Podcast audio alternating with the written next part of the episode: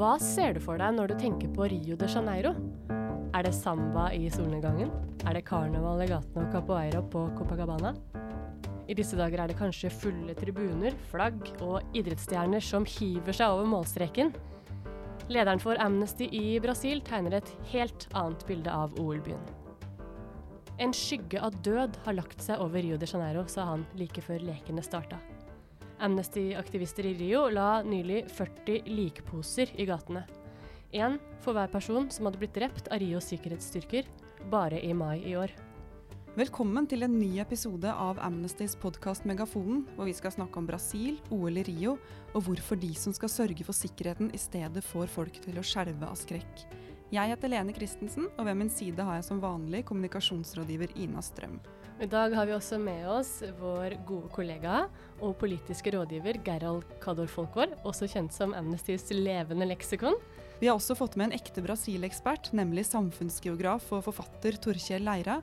Torkjell driver nettstedet brasileira.no. Han har skrevet bok om Brasil, har jobba i Regnskogsfondet og Latin-Amerika-gruppene og bodd i Brasil i flere år. Velkommen til deg, Torkjell. Velkommen. Takk. Du er jo meget godt kvalifisert til å snakke om Brasil i den podkasten vår nå. Og du har jo så å si vært innom hver eneste krik og krok av dette enorme landet.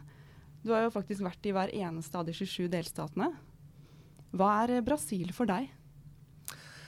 Brasil for meg er noe helt annet enn den litt dystre innledninga og litt dystre bildet som dere tegna i, uh, i, introen her.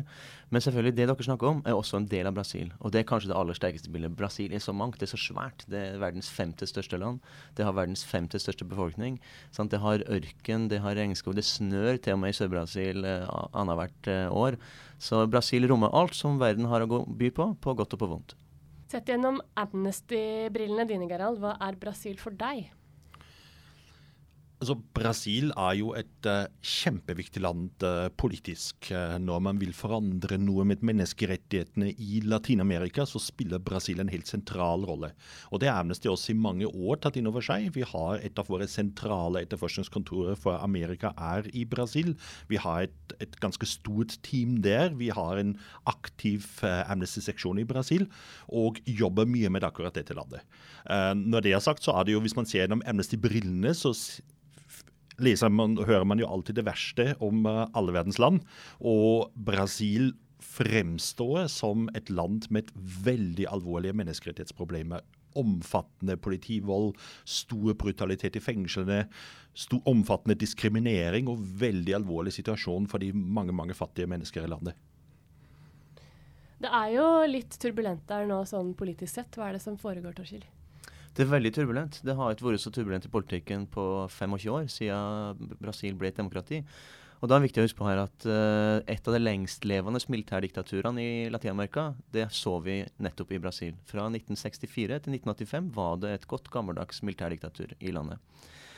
Uh, det som skjer i dag, det er at uh, Akkurat nå så er presidenten, Dilma Rousef, stilt for riksrett. Så den siste fasen er nå uh, i gang i um, det brasilianske senatet. Og den endelige avstemninga vil sannsynligvis skje i første halvdel av september. Så nå vet ikke jeg når det her skal publiseres, men midt i september så er det mulig at uh, Brasil har en ny president.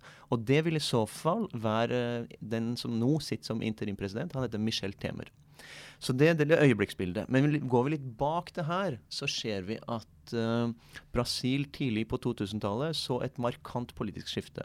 Etter 500 år med et elitestyrt uh, Brasil, så vant venstresida og det brasilianske arbeiderpartiet PT uh, presidentvalget. så fra 2003 til i dag har Brasil vært styrt av PT venstreorienterte presidenter. Først en som ble kalt Lula, den store liksom, landsfaderen i Brasil, og dagens president som heter Dilma Rousef. Mange har kalt, inkludert meg sjøl, har kalt den maktovertakelsen vi har sett uh, i Brasil nå i vår, for et politisk kupp, eller et parlamentarisk kupp. Med bakgrunn i at uh, den uh, gamle, tradisjonelle eliten og høyrepartiene i Brasil har brukt de skitneste triksene i boka for å få denne riksrettssakprosessen i gang. Jeg mener grunnlaget er syltynt, og at, den, at den bare er et påskudd for å kaste en venstreorientert president for å få den gamle brasilianske eliten tilbake til makta. Vi så jo også det i, eh, da OL-ilden kom til Rio. Så var det jo en av de som eh, bar ilden, som eh, på et tidspunkt dro ned buksa og protesterte mot den altså nåværende midlertidige presidenten. Mm -hmm. Ja, det var jo en, kanskje en av de mest kreative måtene å få fram, uh, fram meninga si på. Det var en Rio-kunstner som jeg ikke husker navnet på i farta, som gjorde det.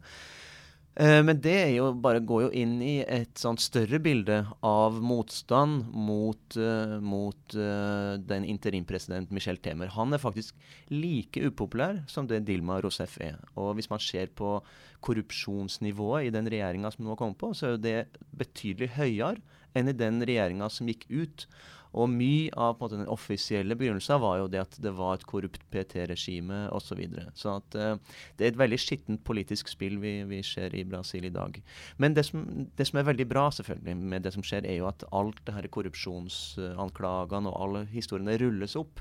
Før ble det bare fedd under teppet. Nå med nettet, med en del uavhengig og mye internasjonal oppmerksomhet òg, så, så, så, ser man at, at det her kommer opp i, i lyset. Og også det brasilianske rettsvesenet som man kan si veldig mye om. Men i den saken her så har de eh, liksom gått på alt og alle. Så at uh, folk fra alle politiske partier, fra ytterste høyre til ytterste venstre, topplederne i veldig mange av de største bygge- og entreprenørfirmaene, de sitter i fengsel på samme måte som folk da i Petrobras, statsoljeselskapet. Så det røskes virkelig opp i det. Hvordan er liksom stemningen blant folket? Rundt korrupsjon og politikk, tenker du? Ja, altså jeg, fordi jeg var nylig på et møte i Amsterdam og møtte mange kolleger fra Amnesty-kontorer over hele verden. Og da møtte jeg også en av kollegaene mine fra Brasil, og han var virkelig bekymra. Jeg husker Han reiste seg opp i et møte og sa at hei, folkens, nå håper jeg dere kan hjelpe oss å støtte vår kampanje fram mot OL i Rio. Vi fokuserer jo på politiet mm. vold. Men det var noe med liksom ansiktet hans og måten han sa det her på, så jeg skjønte at han var genuint og ekte bekymra, og det var for altså politivold, men også for den politiske situasjonen i landet, fordi det var så ustabilt.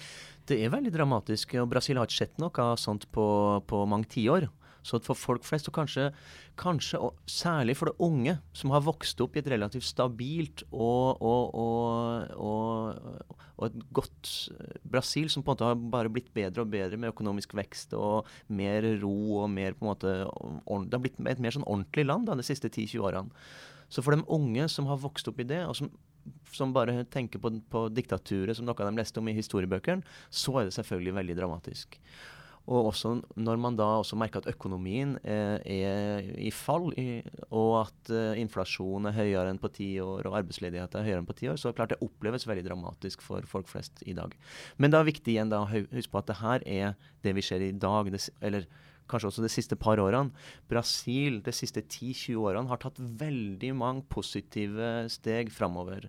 Når det gjelder demokrati, når det gjelder avskoging i Amazonas, når det gjelder fattigdomsreduksjon, når det gjelder overordna økonomisk vekst osv. Så, videre. så Brasil i dag er et mye bedre land enn det det var rundt årtusenskiftet. Men hvis vi er akkurat nå Eh, så jeg sier Gerald at kollegaene våre på kontoret vårt i Brasil har jo jobba på spreng nå før OL, og de er i alarmberedskap under lekene. Kan ikke du fortelle litt om det? Ja, det er jo en uh, erfaring vi også har fra andre enten autoritære eller ustabile land, at uh, sånne mega-events som sånne store idrettsarrangementer er, som OL og fotball-VM, gjerne medfører ganske alvorlige menneskerettighetsbrudd. Um, det er ikke tilfeldig heller, fordi um, altså det er en grunn hvorfor uh, land søker på noe som OL. Det er jo først og fremst et, uh, altså et, et, en reklame. Man kan også si et propagandaverktøy. Det kommer litt an på regimet. Og det er noe hvor man vil stå frem i aller beste lys, hvor ingenting skal gå galt. Og da er de fattige uteliggere, tiggere eller småkriminelle, de er alltid sett på som veldig farlige. Og vi har jo sett uh, allerede i forkant av fotball-VM i, i, i, Brasil i 2014, hadde jo regjeringen laget en egen tiltaksplan for å, for å skape sikkerhet, som bl.a. medførte at det ble flere tusen militær uh, utplassert i de største slumområdene, favelaene i, i, de forskjellige byene. Det samme har vi sett nå. Uh, vi har, altså Planene sa at minst seks faveler i Rio skulle det utplasseres militær for å passe på folk der. Vi har også sett at av de, eh, jeg tror det er vel 65 eh, 000 nei, faktisk over 80 000 soldater og, og, politimenn som nå skal passe på de olympiske lekene i Rio. De aller fleste er plassert rundt favelaene, så de er ikke engang der turistene er. De er der de mener der de fattige er, der de tror de farlige er. Mange er i favelaene og, og, skal passe på det. Og um, Tradisjonen brasiliansk politi har når de skal møte de fattige, og det er særlig svarte ungdommer, um, å håndtere de er med, å gjøre det med ytterst brutalitet og skyte først og stille spørsmål senere. Det er jo noen helt uh, vanvittige tall som uh, man kommer med. Bare siden 2009, da Rio ble tildelt uh, OL, så har jo 2600, eller mer enn 2600, blitt drept av politi og militære. Og så er det i fjor hvor bare hvor var ett et av fem drap i byen ble begått av politifolk eller militære på jobb. Ja, og det er altså det har vært et problem i Brasil i lang tid, men det som er ekstra trist, er at vi faktisk har sett en ganske tydelig reduksjon i politidrap eh, siden 2007-2008. Toppen var vel, vel for sånn ca. ti år siden. Um, og så gikk det gradvis ned Nei, unnskyld, litt tidligere. Uh, så gikk det gradvis ned, og så, så kom de panamerikanske lekene i 2007, og da gikk det dramatisk opp igjen. Da pøste man på med sikkerhetsstyrker, og de drepte. Jeg husker et en, en, en, tilfelle Det var vel i en favela i Rio at da 19 mennesker ble drept av politiet, som man uh, etterpå folket kalte for pandrapene, fordi de var så tydelig knyttet til at man skal skape sikkerhet rundt disse panamerikanske lekene. Så gikk det litt ned igjen etter 2007. Ble det roet seg, politiet skjerpa seg. Det kom litt sånn nye politiske signaler. Men så kom fotball-VM, og da eskalerte det igjen. Og siden fotball-VM har det vært en stadig økning i politivold, alvorlige overgrep, og ikke minst også i politidrap. Nå er det jo sånn at uh, Brasil er jo et av de land i verden med høyeste drapsrate. Det er et, et, land hvor det er veldig mye voldskriminalitet. Problemet er at uh, myndighetene mener dette må du møte med et enda mer vold. Altså Hovedverktøy for å bekjempe vold og kriminalitet i Brasil er rett og slett å slå minst like tøft tilbake, være enda brutalere tilbake. Og det skaper også et klima hvor til slutt er det de organiserte kriminelle gjengene som vinner. Fordi det er de folket gjerne også henvender seg til når, når staten ikke makter å levere sikkerhet. Det er litt forskjell på brasiliansk politi og norsk politi? Ja, Det er en enorm forskjell. og Det begynner selvfølgelig med utdanning og begynner med levekår. Vi må også ta for oss uh, at det er jo flere titalls, jeg tror i fjor var det 25 politimenn som ble drept i, i, Rio. Så det er jo livsfarlig å være politimann, som selvfølgelig betyr at det er bare bestemte typer som blir politimann. De er også altfor dårlig betalt, de er altfor dårlig utdannet. Det de får for å ta vare på seg selv og sine kamerater, er ikke utdanning, det er et gevær. Um, og jeg sier gevær, men de, de, har jo bygget egne tanks som de bruker når de opererer i favelaene, når de skal jakte på narkotikakriminelle osv. Så, videre. så det er rett og slett uh, Politimannen skal passe på seg selv med å drepe først, før en annen kan drepe ham. Og det er selvfølgelig føre, må føre til en eskalering. Det høres jo ut som en krig. På mange måter så er det en krig som, som foregår i favelaen i Rio og i andre store byer. Hvor du på den ene sida har uh, dopkriminaliteten, de store gjengene som, uh, som, får inntektene sine fra dopsalg, og militærpolitiet på andre sida. Og jeg er helt enig i det bildet som Gerald trekker opp, og det er veldig, veldig bekymringsfullt. Uh, jeg var ikke klar over at du hadde så klare topper rundt store mesterskap i Rio. men det er jo ekstra bekymringsfullt, selvfølgelig. Så vil jeg gjerne eh, liksom trekke det, det, store bildet her. Eh, og vi må være klar over at i, i, Brasil så har du flere ulike typer politistyrker. Og dem vi snakker om her, som på en måte er sjokkpolitiet, det er dem som kalles militærpoliti, eller policia militar i Brasil. Det er ikke en del av hæren. Det er en sivilt organisert uh, politistyrke, men de er på en måte organisert etter militære prinsipper. Dette er en arv etter det brasilianske militærdiktaturet. Og dessverre så har på en måte logikken innenfor denne delen av politiet fortsatt i en sånn militær eller sånn Folket er vår fiende. Det er opprørere, det er undergravere osv. Og så er det sånn at militærpolitiet i Rio er jo notorisk kjent for vold og drap. Det er det verste i Brasil. Sånn at um, bildet vi ser i Rio, er, er forferdelig. Bare legg til òg når det gjelder det voldelige brasilianske samfunnet, bare så at uh, dem som hører på, har en viss sånn feeling for, for tallene her. I Brasil så drepes det altså 50 000 mennesker hvert eneste år uh, i, i, med skytevåpen. Sånn at det er, det er, jo, helt, det er jo helt forferdelig. Kan jo bare komme en liten slags digresjon, men det er også noe jeg lurer på. Jeg leste en bok av en som heter Luis Eduardo Suárez, som på et tidspunkt eh, var eh, sikkerhetssjef i staten Rio. og Han var på en demo i 1999 hvor det var veldig i Rio kjempedårlig stemning mellom demonstranter og politi og sikkerhetsstyrker. Uh, hvor han skulle prøve å holde, liksom, holde disse, roe gemyttene. Og da kommer det på et tidspunkt, skriver han, et sivilt eh, politihelikopter hvor det er en fyr som lener seg ut i skikkelig Rambo-stil med sånn svært maskingevær. Later som han skyter på demonstrantene, og på helikopteret går liksom ned og opp. og Det er jo helt ville tilstander. Det, kunne det skjedd i dag òg? Jeg vet ikke om det kunne ha skjedd i dag, men jeg har faktisk vært med på noe lignende. Dette var i 1992. Jeg var jo som utvekslingsstudent i Brasil eh, på videregående eh, tidlig på 90-tallet. Så var jeg tilbake i 92 for å studere. Og da pågikk det noen nye demonstrasjoner rundt en eh, tidligere president, president Collor, som faktisk ble kasta på korrupsjon. Han ble jo stilt for riksrett.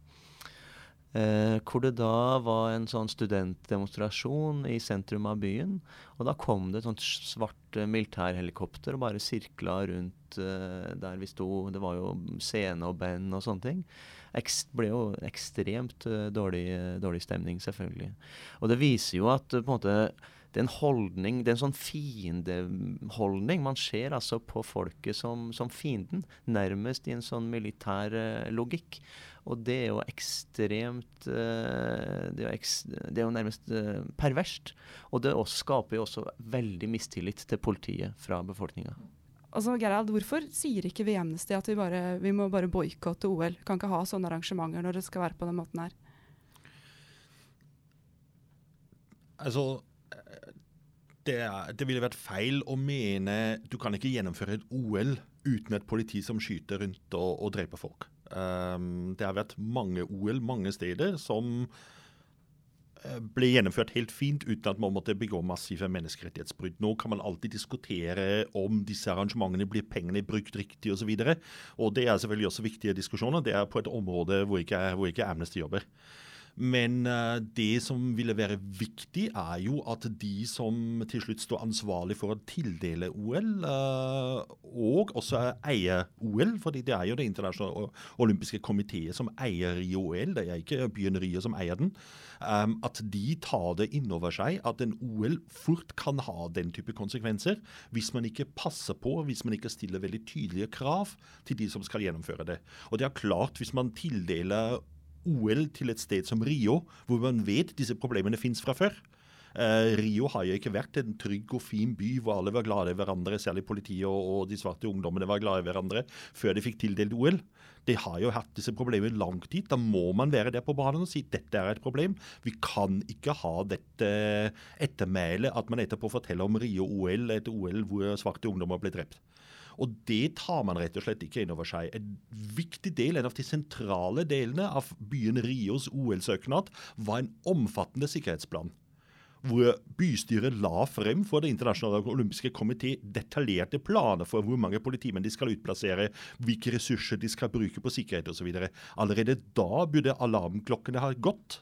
Det er feil. Allerede da burde man ha skjønt i Det internasjonale olympiske komiteet her er det noe galt. Hva er det de fokuserer på? De fokuserer ikke på bærekraft. De fokuserer ikke på at OL skal komme alle til gode. De fokuserer på hvor mange soldater skal vi ha med hvor mange geværer. Her må vi passe oss veldig at ikke dette fører til alvorlige overgrep. Og dette er en bevissthet som rett og slett mangler fullstendig i Det internasjonale olympiske komiteet, i uh, Det internasjonale fotballforbundet osv. Det må være på plass. Det er absolutt mulig å gjennomføre store sportsarrangementer uten å bryte menneskerettigheter med det. Eh, vi ser jo også at folk i uh, Rio har jo protestert også veldig på OL, sånn som du snakka om, Torkjell. I, I, året før uh, VM i 2014 så var det jo masse demonstrasjoner, én million mennesker i Rios gater. Vanskelig å telle når det er så mange folk. Så folk er jo med og sier fra sjøl og vil liksom ta opp litt kampen mot den urettferdigheten. Og du skriver jo i boka di, i epilogen av boka di 'Brasil kjempen våkner', hvis jeg får lov å sitere fra de siste setningene.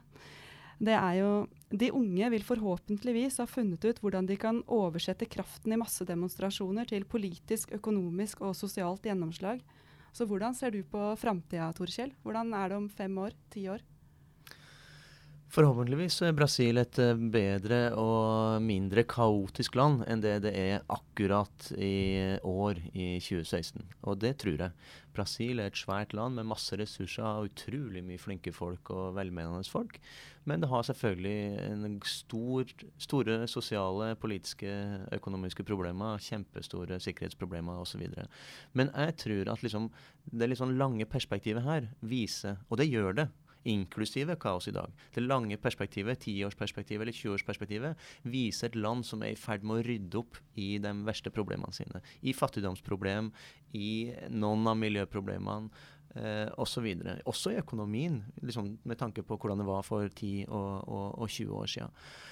Og det man har sett uh, rundt de megamesterskapene her, er jo at de også har vært en slags katalysator for å få folk tilbake på gata. Det hadde forsvunnet faktisk i Brasil tidlig på 2000-tallet, dessverre. Uh, så nå er folk på, på gata mye, i mye større grad enn før. De har skjønt at det er et politisk virkemiddel som aldri vil gå av moten. Det er tvert imot mer nødvendig kanskje enn noen gang før for å, å, å få, få, gode politiske endringer på, på plass i Brasil. Så jeg er faktisk, til tross for kaos i dag, optimistisk på Brasils framtid. Gerald, er du optimist? Um, jeg har først et spørsmål. Um, og det gjelder helt konkret den, eh, den, svarte befolkningen, særlig den unge svarte befolkningen. Amnestys uh, rapporter forteller jo at det er omtrent 70% av de som ble drept av politiet, er svarte ungdommer. Um, hvis, vi, hvis, du sier at her er det nå en bevegelse i folk uh, som litt sånn tar makten tilbake eller vil noe og uttrykker sine meninger, um, hvilken rolle spiller de der? Uh, vi har sett i andre steder i verden at sånne protester egentlig gikk helt forbi de mest marginaliserte. De fortsatte å være marginaliserte. Tro, hva, hva tror du deres rolle vil være? Det her er noe av det mest interessante med Brasil akkurat nå. Eh, det at fattigdomsreduksjon, som har vært mm, veldig suksessrik i Brasil så langt på 2000-tallet, har fattigdommen mye mer enn halvert. Og den fattige har jo da stort sett vært svart eller farga, eh, som er på en måte to av folketellingskategoriene i Brasil.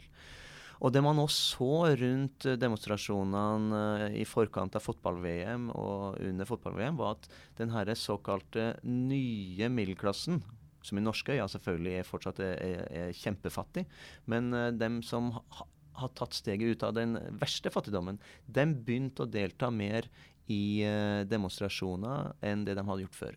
Og det er helt klart en sånn politisk bevissthet rundt at man skal ha eh, like rettigheter, uansett hva slags etnisk bakgrunn eller hva slags språk du snakker, eller hva slags seksuell orientering du har. Men samtidig så har du også sterke motkrefter i de her evangeliske kirkene eh, som er på kjempeframvekst over hele Latin-Amerika. Så kirkesamfunn som også har sterk politisk innflytelse, med stor representasjon i Kongressen. Kirkesamfunn som er mot abort i enhver eh, sammenheng, og som er veldig konservativ sånn moralsk og, og politisk. Så det er et uh, stort Brasil i dag er et sånn stort sånn sosialt eksperiment hvor du har en, eh, en 40-50 millioner mennesker som tar steget ut av, av, fattigdommen, og som blir mer med i samfunnet og også på en måte i markedet som konsumenter.